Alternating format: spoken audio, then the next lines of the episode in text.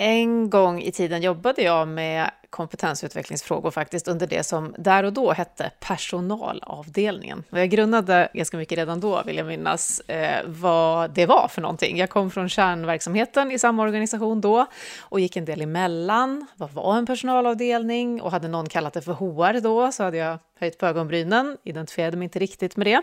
Tänkte att det var de som höll på med löner. Och sen dess har det flutit ganska mycket vatten under både mina broar och HR-broarna, tror jag, i samhället. Det är ett vedertaget begrepp, en plats som ganska ofta korsar min väg när jag jobbar med lärande organisationer och forskar på lärande. Det hamnar ganska ofta just hos HR-avdelningen, eller Learning and Development som man också säger. Så vad är HR idag? Och framförallt, vad skulle det behöva utvecklas ännu mer till att vara? Det har jag bjudit in veckans gäst för att prata mer om. Så varmt välkommen Per Tillander, universitetslektor vid Göteborgs universitet. Tack så jättemycket. Livslångt. En podd om lärande.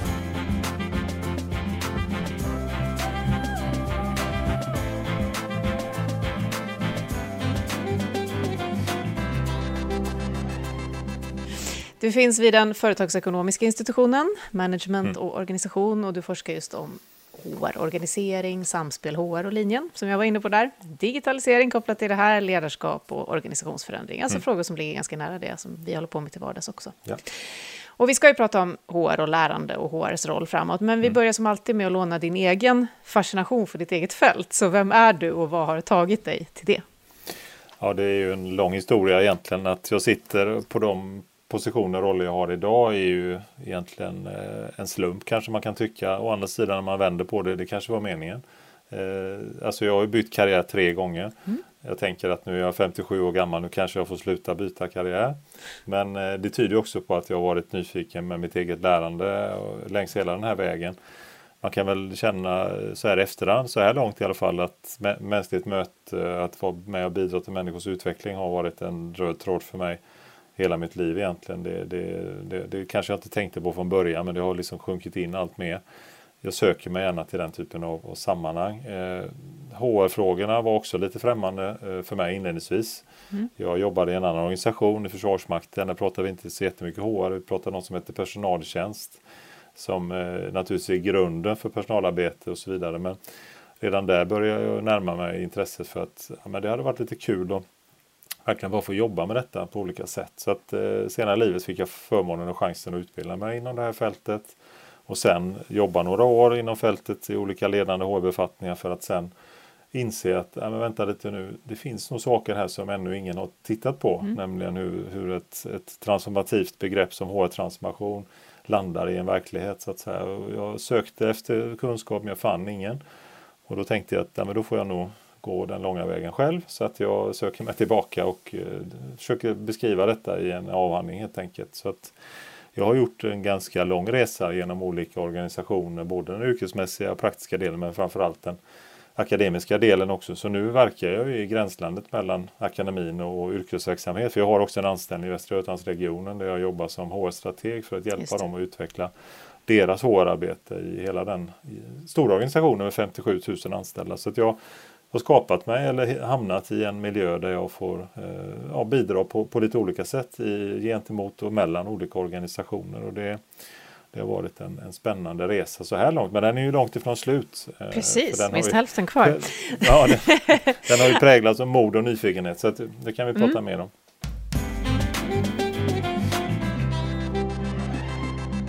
Ja, du, när jag hör dig så tänker jag att du är helt i andra änden mot det man inom psykologin kan kalla för harm avoider. Du är precis liksom, du byter, du går vidare och fascinationen för ja. människan är stor. Liksom.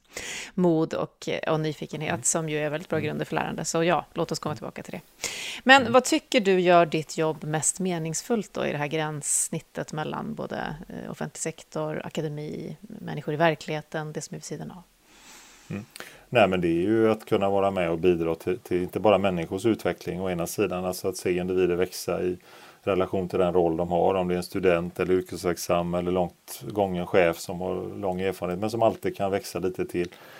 Eh, men också kunna i, inom ramen för enskilda, väx, enskilda möten, enskilda växande också bidra till samhällets utveckling och hela den ja, tuffa samhällssituation vi står inför så att säga. Om jag kan göra den här platsen eh, till en lite bättre värld att bo på och leva på även för, för framtida generationer med väldigt små puttar och, och nudgingar i ändar hos enskilda individer så att, så att de tycker jag vågar mer och är mer sanna mot sig själva. För, det, för mig är det ett jätteviktigt lärande liksom, att jobba med självmedvetenheten. Det vet jag, även forskare i neurovetenskapen tittar ganska mycket på att vad är det som föder framgång och inte liksom den ekonomiska framgången utan framgången för, för världen. Då är det ju också kopplat till den här självmedvetenheten. Att, det, att man erkänner för sig själv att det finns brister och det finns liksom, eh, ja, mm. godheter och bra saker man är på. Men att, att hela tiden kunna liksom orka titta på sig själv lite inifrån eh, och faktiskt se vad man kan göra. Och där får jag vara nu och vara lite föredöme och lite modig i, i vissa delar och kunna verka i, på, på lite nya arena. Jag, jag tror inte vi är så jättemånga som verkar på det här sättet så att säga i Sverige då i den här rollen. Många ja, är ju rena forskare, om man kallar det så, vilket är jätteviktigt och bra. Andra är helt yrkesarbetande, vilket också är jättebra. Mm. Jag tror att vi behöver lite eh, andra former och det här kan vara ett sätt för mig att visa hur man kan göra faktiskt. Så i det pionjärskapet då, om du till exempel är på en middag och ska berätta vad, vad är det du gör och hur forskar du i HR-frågor, hur, hur berättar du det och hur reagerar folk på det? Ja, det finns två sätt jag brukar berätta det på. Det ena är att jag säger att jag är en prakademiker. Kul. Det är liksom en, en kvasilösning mellan en, en praktiker och en, en akademiker. Eh, den andra storyn jag brukar dra, beroende på om jag träffar många HR-människor, så är att jag är en mardröm för alla HR-personer. Mm -hmm. Nämligen, hur ska du kunna veta vem, vem, är du anställd för idag? Alltså om du är sjuk, vem, vem är liksom eh, din arbetsgivare just idag? Så, vilka scheman ligger bakom? Alltså, skulle man försöka följa mig på det sättet så ser ju schema och verklighet ut på ett sätt och eh, om man tittar på hur jag jobbar i praktiken ser det ut på ett annat sätt. Så att det, vi, regelverk och system har ju inte hängt med liksom i den här typen av mer moderna arbetsformerna. Och nu finns det ju ganska många som jobbar som giggare eller ja, egenanställda och så vidare. Men, men det är ju det är en annan kvasiform. Det här är ju en, en, en, en, variant på det. Så att, nej, jag har många olika förklaringar lite beroende på. Men eh, jag brukar ofta säga att jag har en fantastisk möjlighet eh, att kunna göra roliga saker på lite olika sätt hela dagarna. Det är bara tiden som ibland inte räcker till helt enkelt. Det är väl det.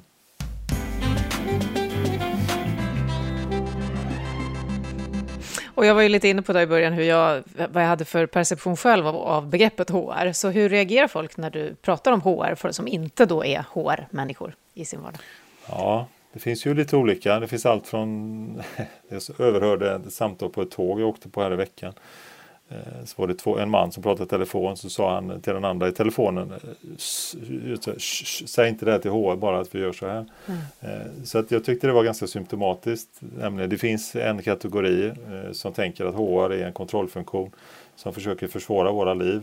Det kommer inte fungera om vi inte hittar på smarta lösningar. Det där går ju inte så att vi, vi rundar dem helt enkelt. Mm.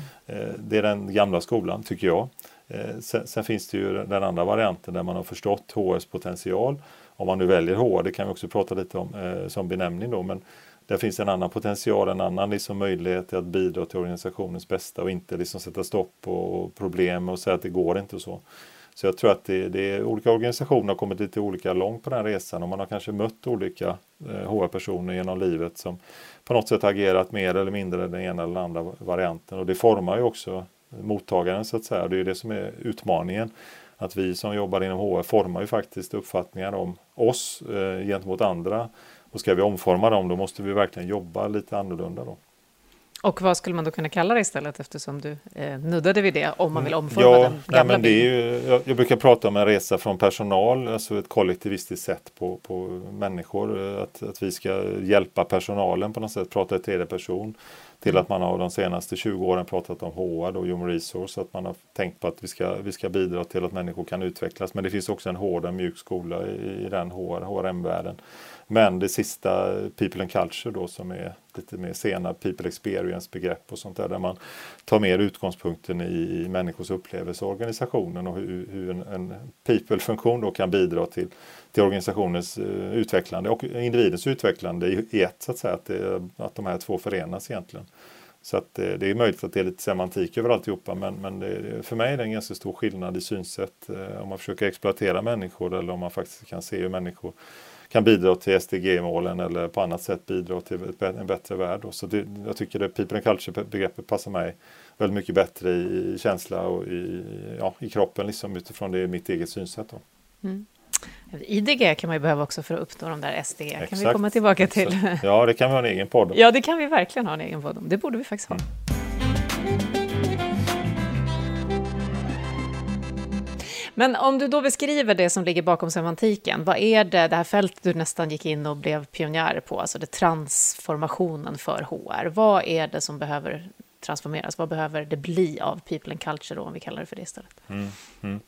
Nej, men för att göra en väldigt kort tillbakablick så har ju de senaste 25 åren i HR-världen kan man kalla den för präglats av idén om en HR-transformation. Att genom att vi omvandlar hela HR-arbetet till att bli mer effektivt, enhetligt, enkelt och att användarna, då, chefer och medarbetare, ska på något sätt ta del av HR så ska det då i, i, i sin tur leda till ett värdeskapande. Det har ju varit liksom hela den ekvationen då som, som har ja, promotats från alla möjliga håll, både forskarhåll och konsulthåll och det har sålts ganska många konsulttjänster för att hjälpa organisationer i den resan.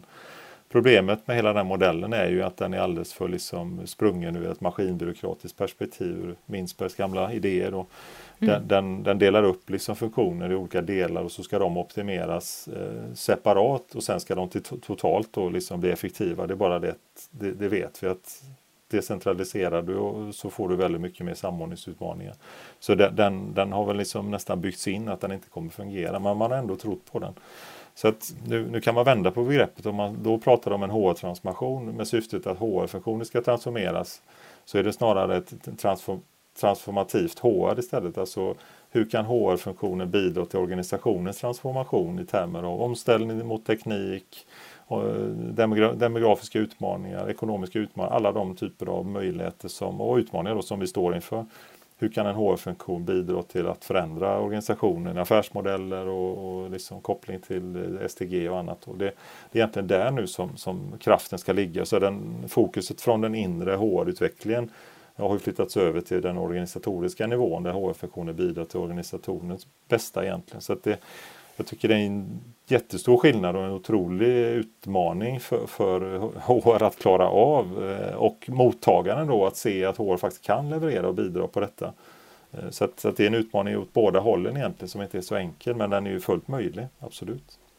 Mm kanske ska tydliggöra det som för oss då verkar självklart, men det man förut pratade om som hållbarhetsarbete, kanske SDG, alltså mm. Sustainable Development Goals, eh, hållbar utveckling på alla möjliga olika sätt, Agenda 2030 säger vi också på svenska. Och det jag då eh, stoppade in där, IDG, Inner Development Goals, vad krävs av oss människor för att kunna nå dit. Ja.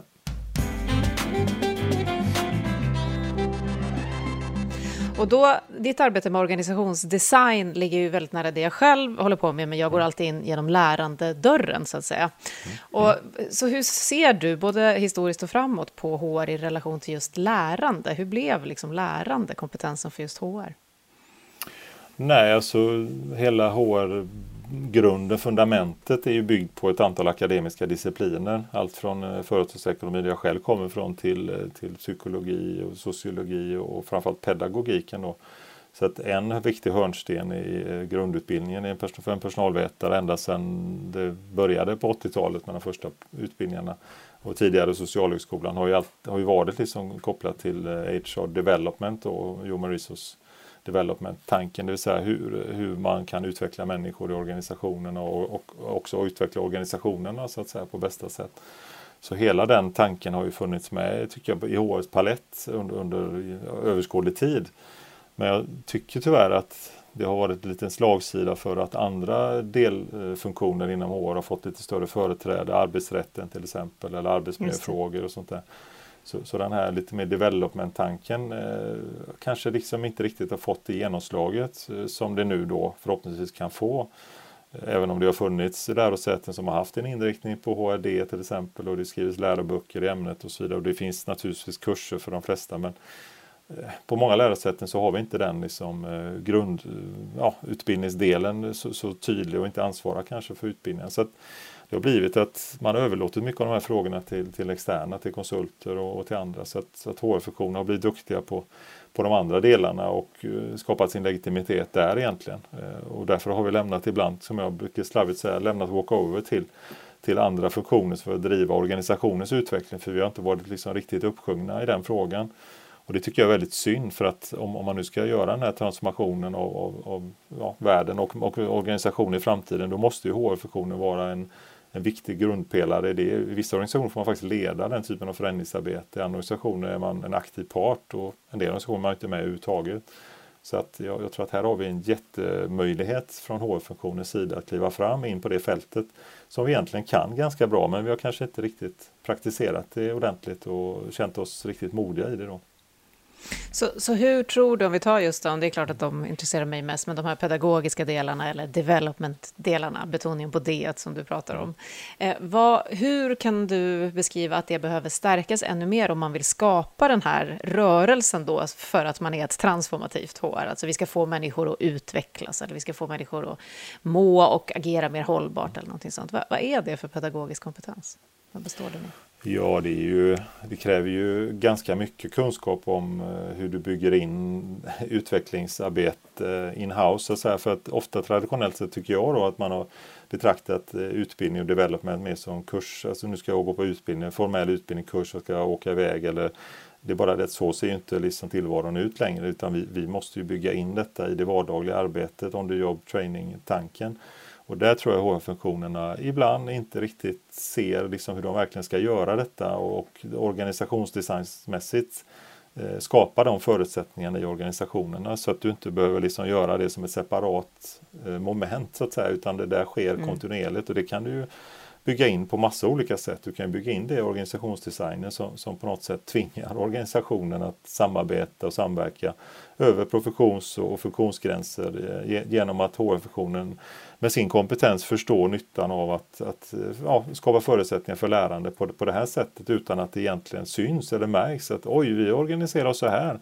Eh, by the way, nej det var det inte för det var någon som hade tänkt att vi skulle göra så här för att det faktiskt gav, gav liksom eh, en fantastisk utveckling och det är först i efterhand som den på något sätt blir, blir väldigt given. Och den, den kloka HR-funktionen bröstar inte upp sig över det och, och berättar hur förträfflig man är utan man, man, jobbar ju på ett sådant sätt som man hela tiden ligger ett steg före så att det är bara liksom Ja, det blir helt naturligt att det här också gav liksom ett bättre samarbete.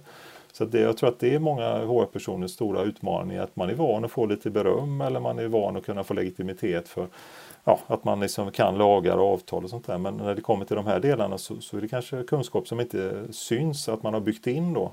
Det är lite dolt så att säga men det är ändå otroligt genomtänkt. Och hur får du då beröm för någonting som ja, kanske inte uppenbart syns då. Så det tror jag en del HR-funktioner brottas lite med. Eh, att liksom verkligen se hur de, deras pusselbit passar in men, men, utan att det liksom måste talas om att det var en fantastisk design ni har kommit på här. Liksom. Mm. Ja, får man boosta självförtroendet på något annat sätt internt? Ja, jo, nej men, för jag bara tänker i förlängningen till det ligger ju liksom att HR-funktionerna och HR-professionen har ju länge kritiserat för att inte var en egen profession och att det är så jobbigt för ekonomer och andra är så starka och så vidare. Så att, då, då är det ett slags mantra av att HR-funktionen ska kämpa för att höja sin status och så vidare. Och jag vill komma bort från den diskussionen för för mig är HR-funktionen ganska given. Vi behöver inte problematisera det längre. Vi behöver inte heller vara rädda för att någon har synpunkter på oss som profession och så, utan det handlar ju om att i, i, i agerandet visa att man, man behövs helt enkelt. Det, alltså man, man, kan inte kvala in att alltid vara nu är jag legitim för nu har jag gjort de här sakerna utan det är varje dag du måste bevisa det. Du kan inte göra det en gång för alla på något sätt. Så jag, jag, vill helst komma bort från hela den diskussionen för den, den leder oftast ingenstans utan det, det är bättre att HR-funktionerna eh, går in med ty, tydliga ambitioner att vi vill kunna bidra och vi gör det på det här sättet och ibland så syns det jättetydligt vad man har gjort ibland så, så, så gör man saker bra ändå och det behöver inte någon kanske känna till in i minsta detalj och deklarera det. Om, om inte det är en ledning som omedelbart behöver visa att HR-funktioner behövs och räkna på det och så vidare. Då kan man naturligtvis komma fram med de nyttorna. Men, mm. Mm. Jag tänker också, det är ju, när vi pratar om vad som driver på behovet av en lärande organisation så är det ett antal megakrafter. Digitalisering är ju en av dem som det har pratats om länge. Mm. Hur förändrar eller transformerar den kraften HR-arbetet skulle du säga? Då? Fullständigt. Eh, och jag tror inte vi har förstått riktigt vidden av vad digitaliseringen kommer göra eller kan göra med, med inte bara HR-funktioner men, men framförallt för organisationer som, som helhet. Och jättemånga HR-funktioner brottas ju just nu med att försöka förstå var, var ska vi börja, vilken ände ska vi börja och alla de möjligheter som finns i, i det breda HR-fältet.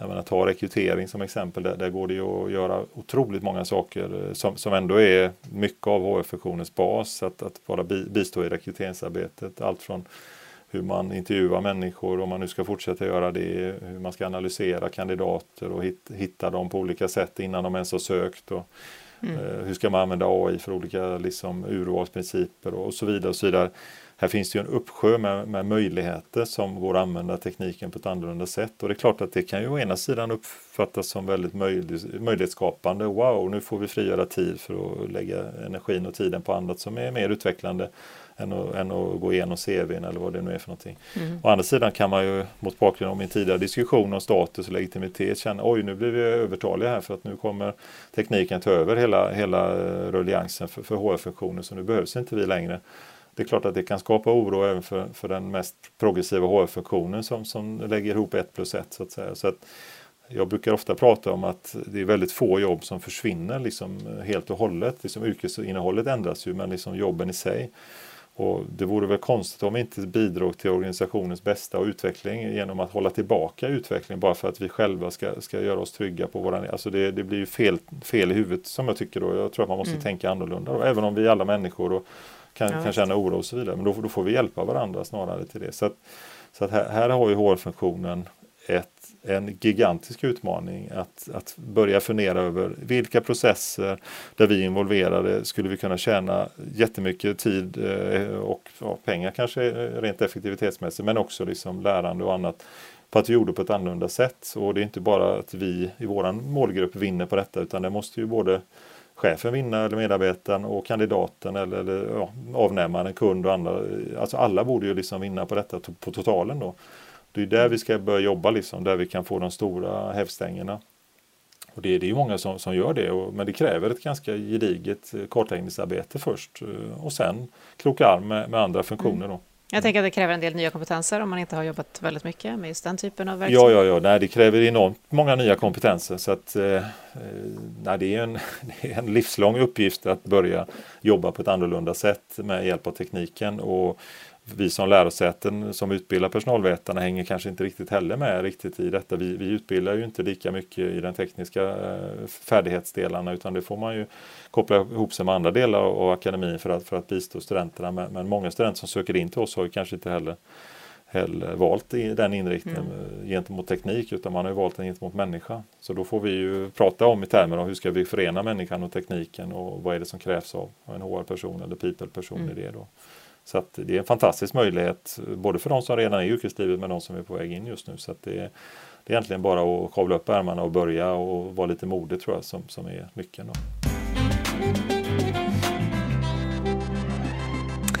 Du Per, du har ju bland annat jobbat med min egen HR-avdelning på RISE. Mm.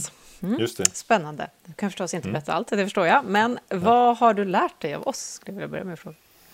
Äh, alltså, RISE är en otroligt dynamisk och spännande arbetsplats och arbetsgivare och har ett uppdrag som är både komplext och utmanande men samtidigt väldigt roligt att få jobba med. Så att det är en ynnest för alla som får chansen att jobba eh, hos er och med er eftersom det är många olika beröringspunkter i lite olika sammanhang.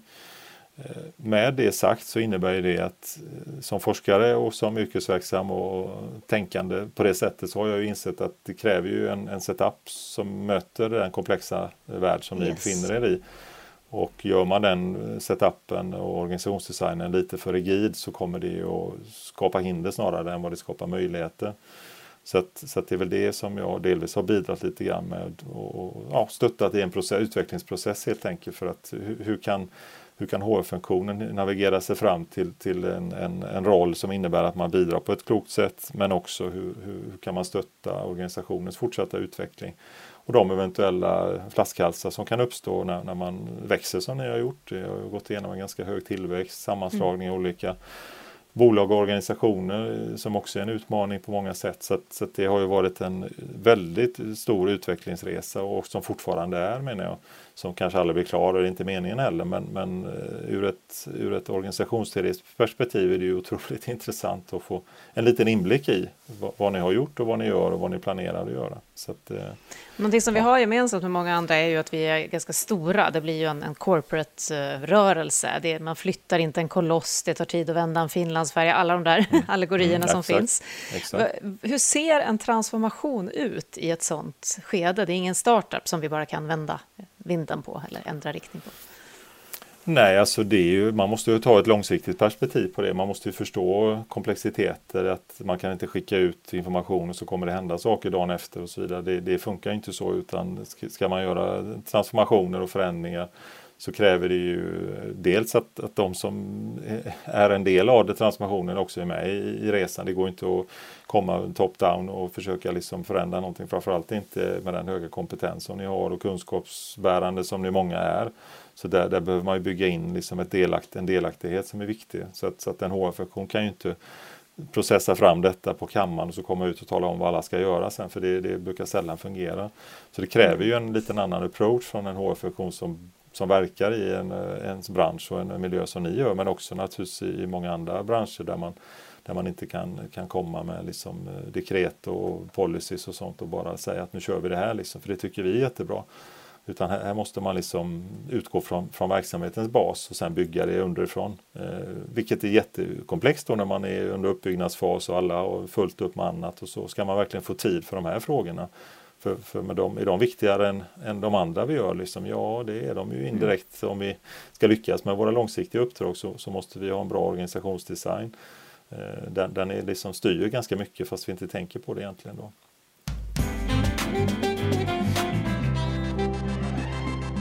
Hej! Anette Ansho heter jag, är ansvarig för HR på RISE och med mig har jag min kollega. Och jag heter Johanna Fransén och är chef för en avdelning där vi jobbar med kultur och ledarskap. Och här finns också alla RISE fantastiska HR-chefer och HR-partners.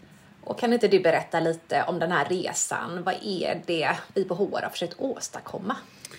Ja, det kanske inte är direkt någonting nytt, snarare någonting lite nygammalt. För vi behövde påminna oss lite om att Eh, vi är en ganska ung organisation. Och den här förändringsresan som RISE har gjort är lite one of a kind. Det är ju inte varje dag som man slår ihop 35 forskningsinstitut eh, till ett och det har gjorts ett helt otroligt arbete med att få saker och ting på plats. Men vi, det vi gjorde var lite en halvhalt och konstaterade att vi hade en del kvar att göra när det gäller basleveransen. Eh, och varför det är viktigt för RISE det är ju för att de frågor vi nu har fokuserat på eh, är avgörande för alla medarbetare som ju är det allra viktigaste vi har. Och vi vill att de ska trivas och må bra och kunna vara sitt allra bästa jag.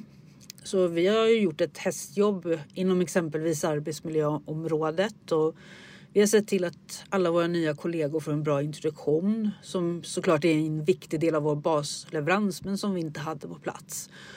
Och vi vet också att det kan vara tufft att vara chef på RISE och det var någon som sa när vi frågade om behoven att jag vill inte ha mer hjälp till självhjälp. Jag vill ha hjälp. Så vi har eh, prioriterat ganska hårt det verksamhetsnära stödet. Om du då skulle, det här har ju varit en resa, om du skulle berätta då för en annan organisation vad, vilka lärdomar du har tagit av det här, vad skulle du berätta då? Ja, men jag skulle säga det är egentligen en sak som verkligen blev jättetydlig när vi jobbade med det här och det är att de ständigt små förbättringarna trumfar de långsiktiga strategierna.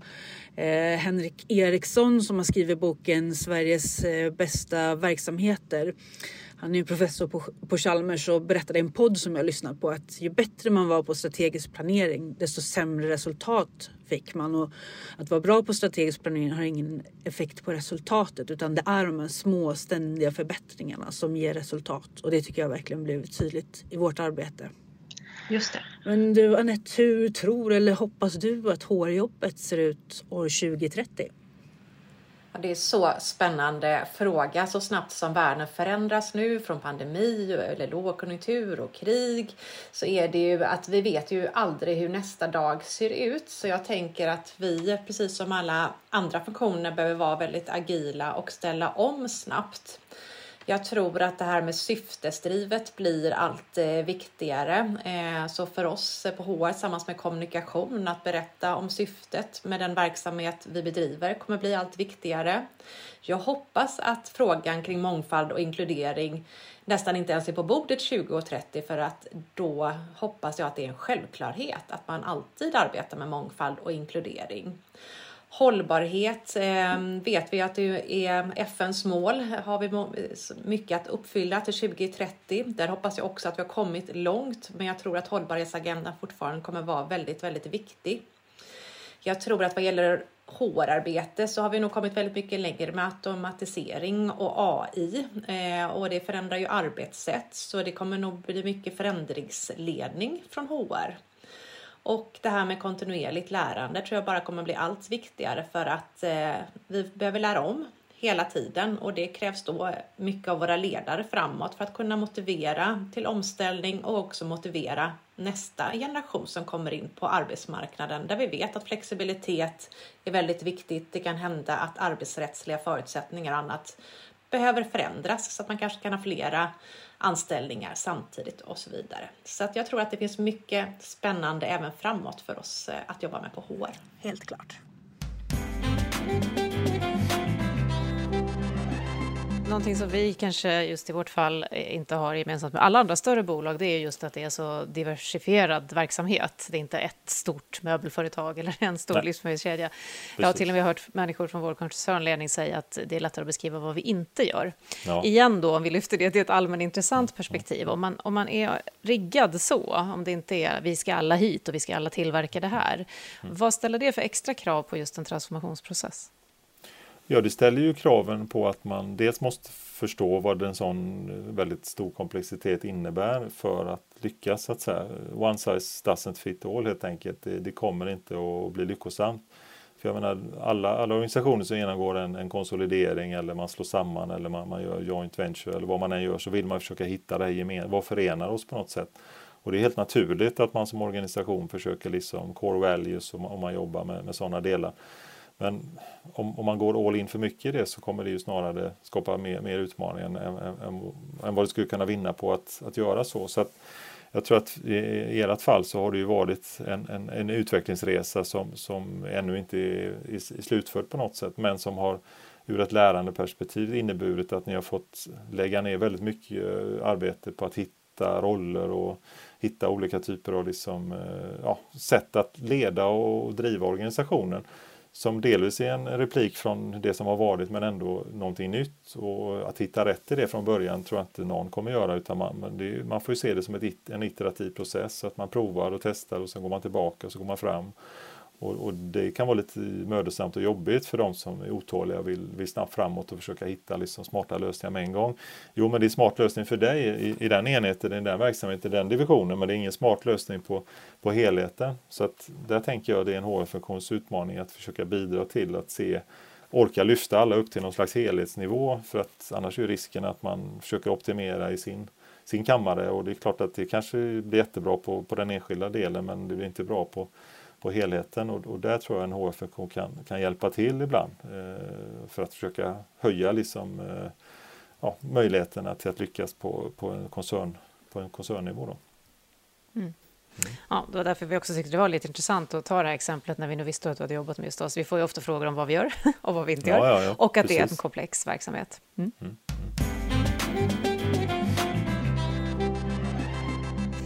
Men du, vad skulle du säga nu då? Du var lite inne på HRs självbild och vad man skulle behöva ha för självbild och vad syftet är i relation till den självbilden idag. Du är med och transformerar en verksamhet snarare än din egen enhet eller avdelning.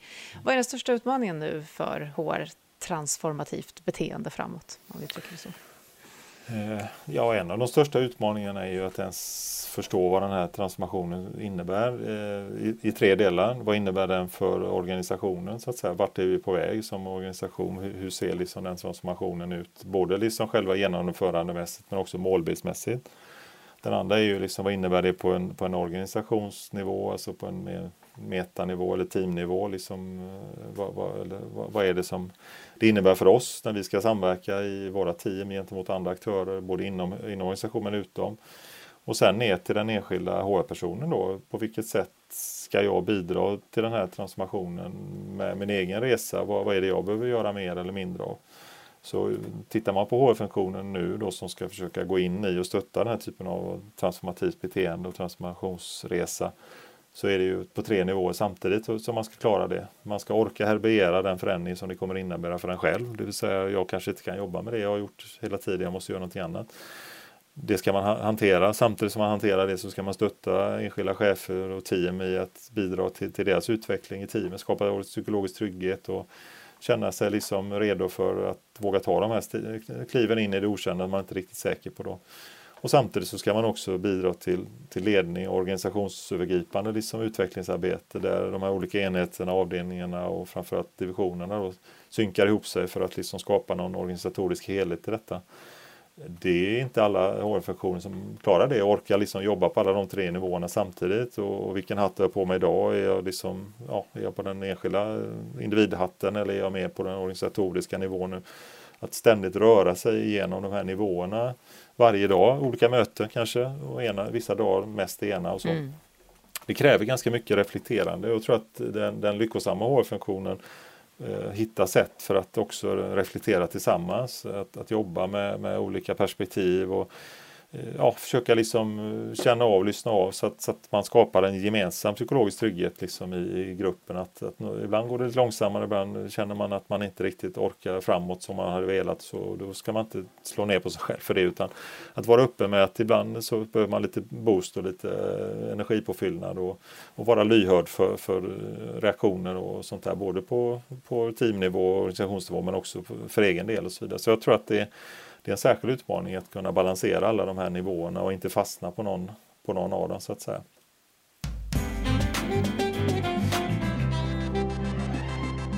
Eftersom jag ofta får frågan hur vi blir en lärande organisation, det du just beskrev nu och målade upp, oavsett om man då har en HR-avdelning eller en learning and development eller någon verksamhetsutvecklingsavdelning som heter något med lärande på mm. annat sätt.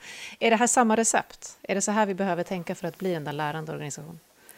Alltså jag tror att det är generiskt. Jag har inte hittat på det själv naturligtvis. Det finns ju andra före mig som, som har tänkt samma tanke som jag. Men, men jag tror att det går ett, ett slags snöre eller ett, en, en connection mellan individen och hans eller hennes liksom individuella utveckling upp till liksom samhället och världens utveckling. Eh, det är bara det att det, det, nivåerna är många och det finns många led där.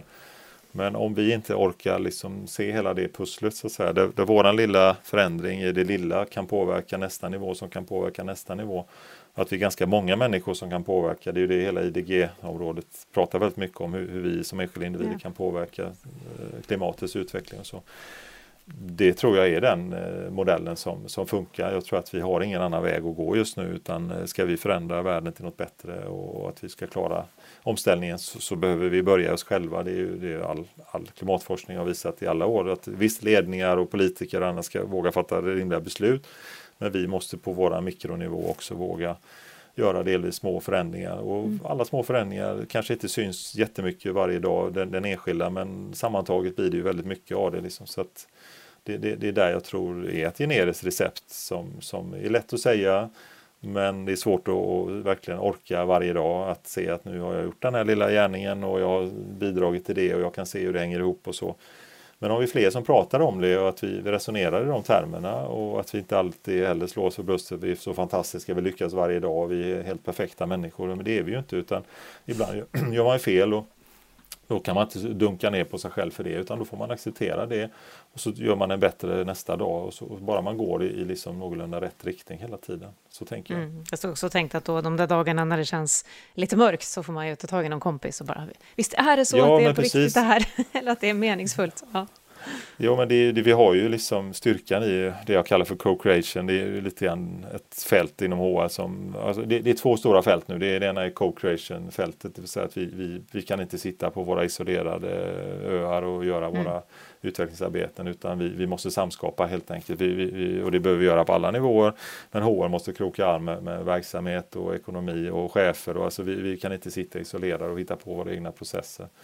Det, det, är ju liksom, ja, det är liksom lite förlegat. Och sen är det ju nästa stora fält, Sustainable HRM då som är det hållbara eh, Human Resource Management-arbetet och då är det hållbarhet för, för, för individer, socialt hållbarhet, ekonomiskt hållbarhet men också miljömässigt och där får vi in det här med SDG delarna. Liksom. Där kan ju organisationer göra jättemycket liksom, för, för att skapa den här ramverket liksom, i en organisation och, och, några går ju längre i att se de kopplingarna väldigt fort så att säga för de har också nytta kopplat till affärsmodeller och annat medan andra börjar i det lilla och gör små insatser, vilket är lovvärda men som kanske inte får den stora hävstången. Men, men det, ena, det ena är inte rätt och det andra är inte fel. Det viktiga är att man påbörjar en process, så att man liksom, eh, ja, kommer vidare. Då.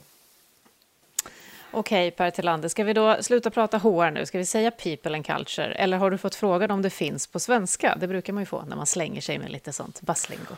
Ja, nej, det är ju inte så många svenska versioner. Då är vi tillbaka till det här personalbegreppet så att säga. Eh, så att nej, det är ja. ju liksom people and culture som gäller någonstans. Liksom. Nu är det ju inte så många offentliga organisationer som hakar på det begreppet så det är mycket på den privata sidan och de har ju lättare för att köra engelska som koncernspråk naturligtvis mm. och då blir det ju så. Eh, så, men det kommer säkert, personal och kultur heter mm. vi nu. Så att, eh, vi, vi, vi, får se, vi har inte hittat någon än. Ja, vi får följa. Vi får höras igen om ett par år och se hur vi pratar om det här då. Ja. Stort tack Per Trander från Göteborgs universitet som också jobbar med Västra Götalandsregionen för att du var med i Livslångt och pratade om transformativa HR-avdelningar. Tack så mycket. Du har just hört Livslångt, en podd från RISE om allt det där man lär sig i livet. Vi hörs om en vecka igen.